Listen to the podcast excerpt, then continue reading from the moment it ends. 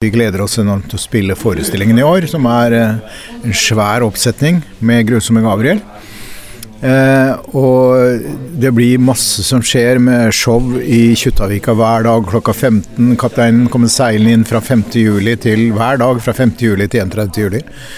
Og i tillegg så jobber vi med en animasjonsfilm som har premiere på norske kinoer 27.9., og som jeg har vanvittig stor tro på.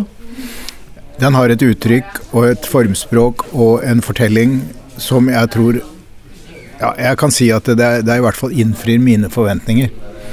Og jeg har jo alltid vært litt sånn eh, streng og skuffa på noen av de tidligere filmene jeg har laget og sånn. Ikke helt fornøyd.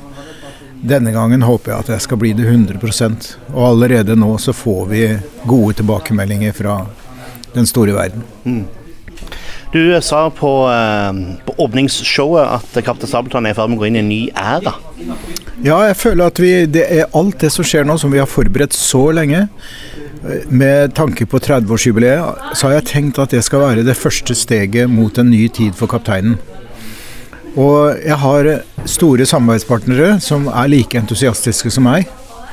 Det er Dyreparken, det er Kvisten Animasjon, det er to av Norges største forlag. Det er eh, stort plateselskap osv. Eh, og sammen så tror jeg vi skal løfte Kaptein Sabeltann videre. Sånn at det ene er jo at jeg vil at han skal overraske det norske publikummet og fortsette å være Norges mest sette eh, sommershow, selv etter 30 år. Eh, og så vil jeg gjerne at han skal åpne dører ut i den store verden. Og begge de to, to tinga har jeg veldig tro på, og jeg er veldig entusiastisk selv i forhold til det og tro på at vi skal lykkes.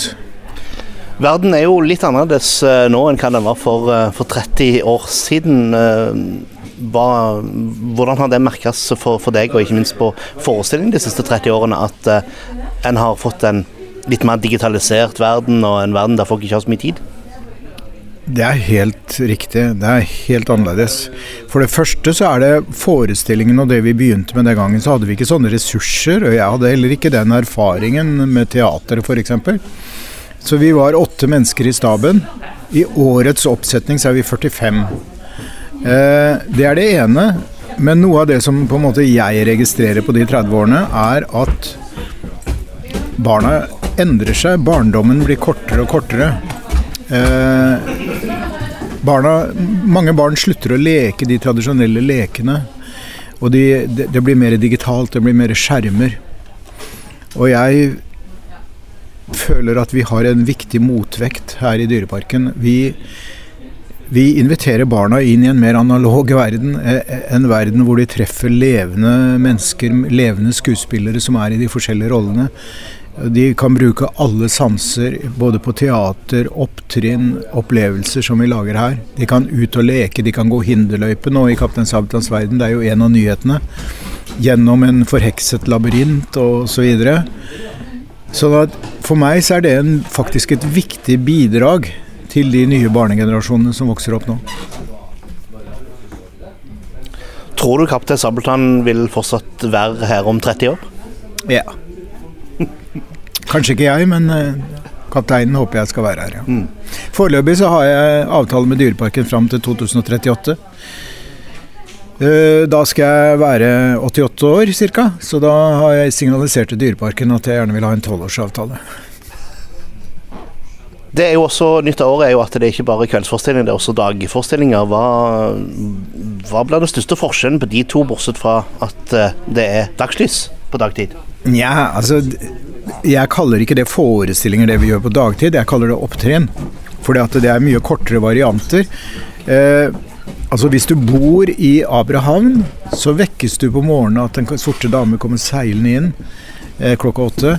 Med sjørøverne, med dunder og brak og kanonskudd og sang og spetakkel. Og så går eh, sjørøverne i land, og barna som bor i landsbyen får lov å være med og dra ut flagget og heise det til topps på Kongens torg.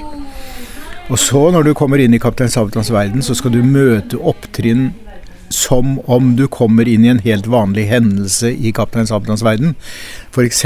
så kommer kapteinen hjem fra tokt, og alle de som er på besøk i Kaptein Sabeltanns verden da, blir på en måte innbyggere i Kaptein Sabeltanns verden, og hyller kongen på havet når han kommer hjem. Så det er noe helt annet. Og du skal f.eks. aldri høre de sangene på dagtid som du kan forvente å høre på kveldstid. Når du kommer til forestillingen. Forestillingen skal være en helt spesiell, magisk opplevelse. Som, eh, som altså Barna sover kanskje tidligere på kvelden, gnir søvnen ut av øynene. Og så kommer de ut i sjørøvernatta og får lov å være med de voksne inn i natta som egentlig bare tilhører de voksne vanligvis. Og så får de møte levende sjørøvere i vanvittige opptrinn, i sjøslag mellom to skuter, med spøkelser som kommer opp av sjøen, med brann og spetakkel. Og alt det skal være en stor teateropplevelse. Eh, og det er, det er, noe helt annet enn det du møter på dagtid. På dagtid er det mye mer et ansikt-til-ansikt-møte med sjørøvere. Det har blitt fortalt òg at uh, billettsalget går uh, strålende. Hva er forventningene til uh, årets sesong med forestillinger? Nei, de er Jeg føler meg veldig trygg. I fjor solgte vi Vi la ut 60 000 billetter og solgte 62 414. Vi kommer til å selge minst like mange i år. Vi, har, vi er allerede i ferd med å runde at to tredjedeler av billettene er solgt, dvs. Si 40 000.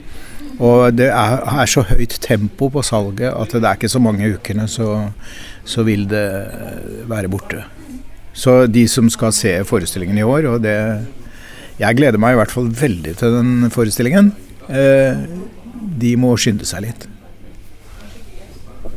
Radio Metro.